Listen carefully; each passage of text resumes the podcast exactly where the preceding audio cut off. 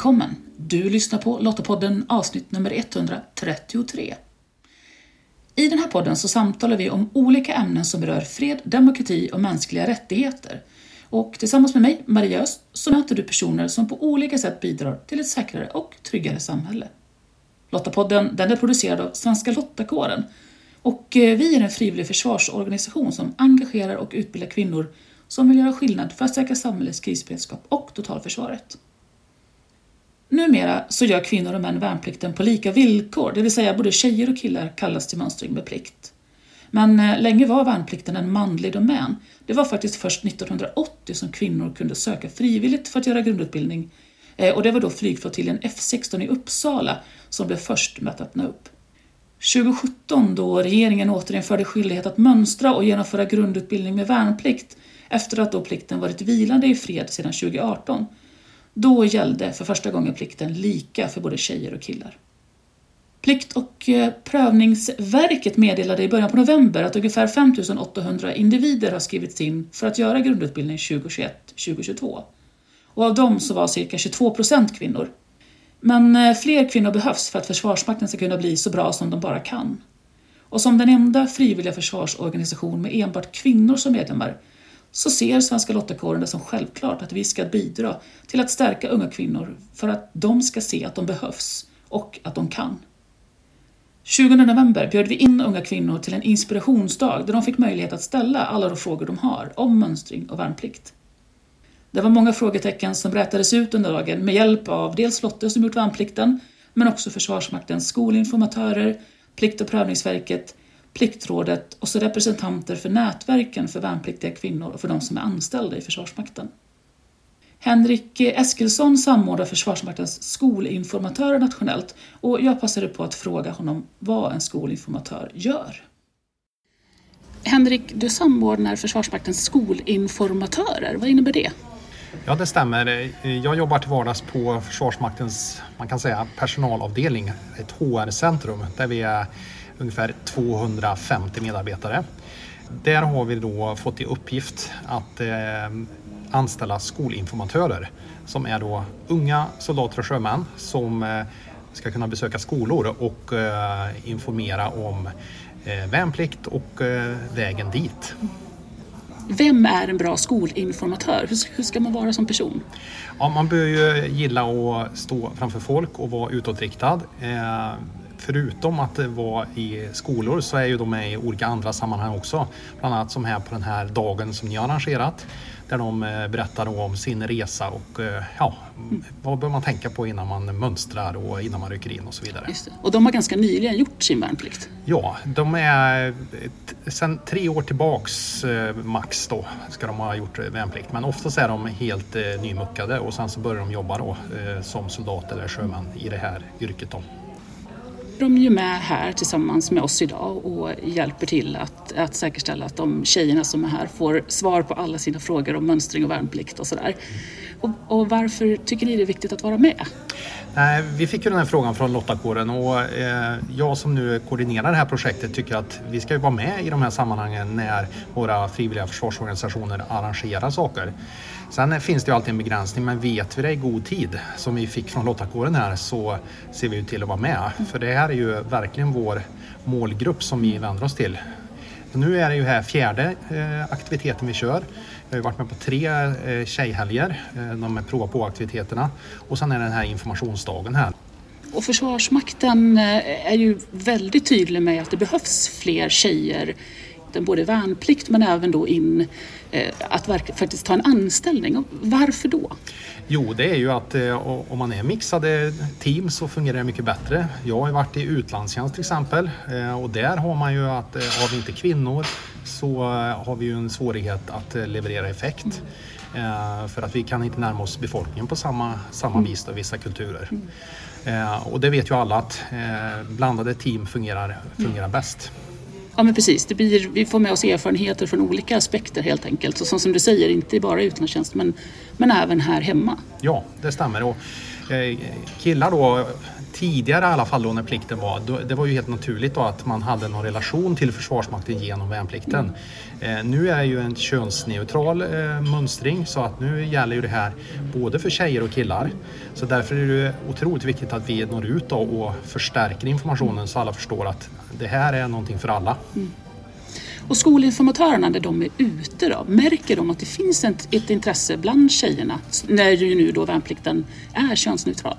Ja, och det blir ju ofta så att man, man kommer ut i en klass och sen så eh, gör vi då, berättar eh, skolinformatörerna om eh, sin resa. Och oftast är det en kvinnlig soldat och en manlig soldat. Och både under föreläsningen och men sen framförallt efteråt så kommer det mycket frågor från, från tjejer. Mm.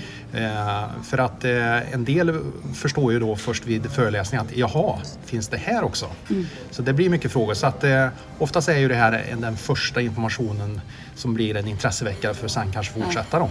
Just det. Och, och vad är typiska frågor som skolinformatörerna möter? Ja, det är mycket det här som vi inom Försvarsmakten säger Maslow. Hur funkar det med mat? Hur bor man? Eh, hur är det med mönstringen? Måste man vara jättestark? Och eh, vad finns det för andra för, för saker man bör tänka på mm. när man rycker in? Då? Mm. Ja, men det kan jag tänka mig. Mycket frågor. Det var ju väldigt länge sedan nu där vi hade en bred massa. Även om det då bara tidigare var männen som gjorde värnplikten så fanns det ju ändå en förståelse, tänker jag, från generation till generation. Ja, och det är ju så att eh, Ofta då när man jobbar i en myndighet så tror man att det myndigheten eh, sänder ut i våra nätverk och i våra kanaler, mm. att det är det som alla vet. Mm. Men den som är väldigt viktigt det är ju då påverkansmålgrupperna. Mm. Och det är ju då föräldrar och eh, syskon då kanske. Mm. Så när jag en gång i tiden gjorde värnplikt då pratade jag med min äldre bror som hade gjort det några år tidigare. Och det börjar komma tillbaks nu men eh, det är ju mycket färre som gör det så därför har ju skolinformatörerna en jätteviktig roll här. Och jag tänker om man är lärare, och man skulle vilja få ut skolinformatörerna, hur går man tillväga då? Ja, det är jätteenkelt egentligen.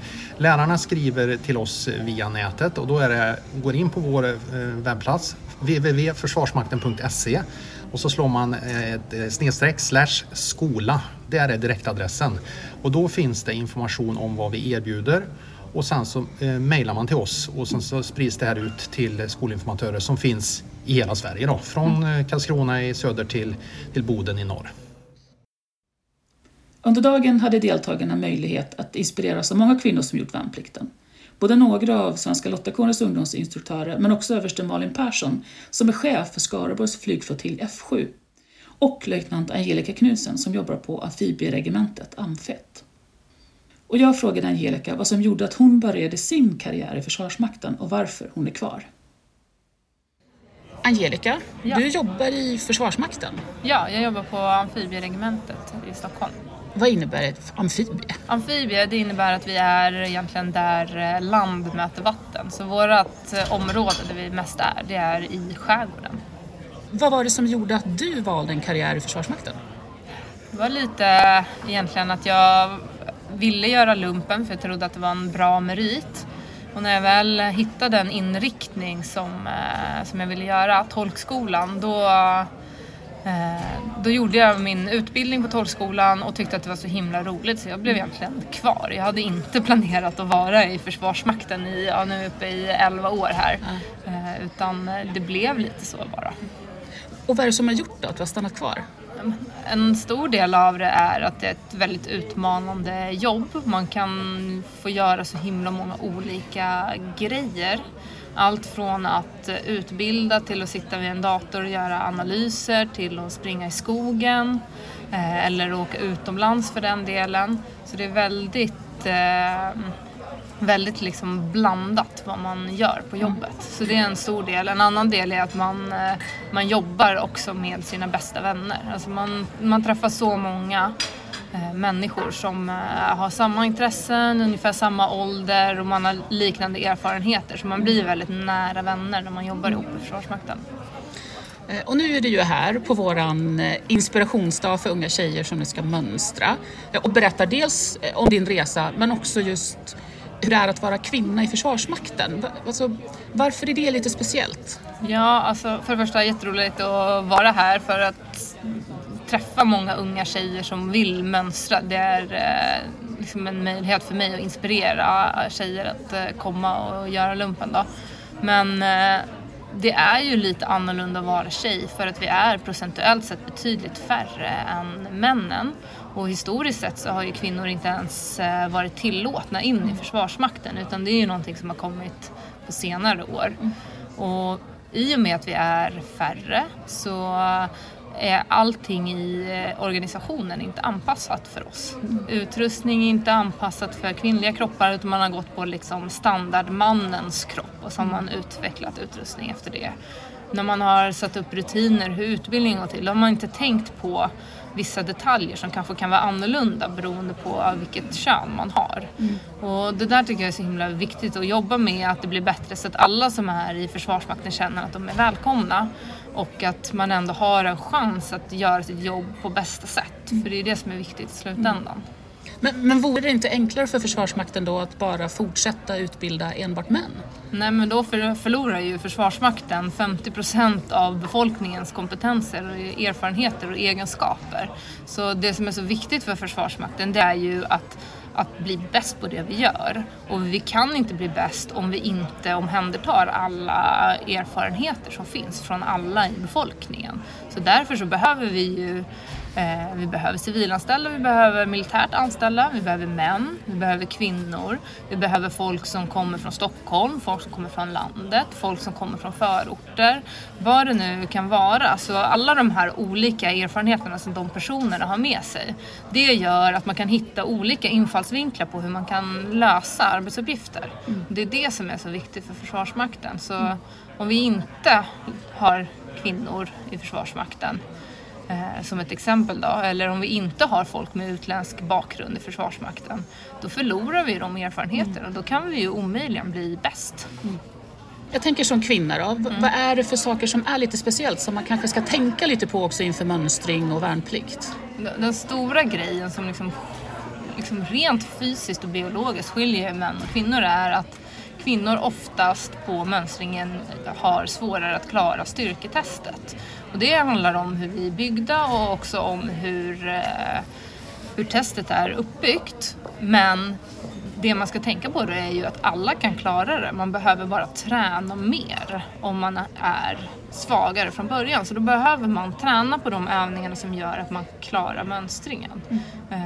Och när man väl har klarat den och kommit in och blivit antagen, ja men då ska det inte vara någon skillnad längre. Mm. För alla antas på samma krav. Vi har en mm. könsneutral intagning mm. till värnplikten. Så vad skulle du vilja skicka med till den unga tjej idag som kommer att få mönstringsunderlaget i januari 2022?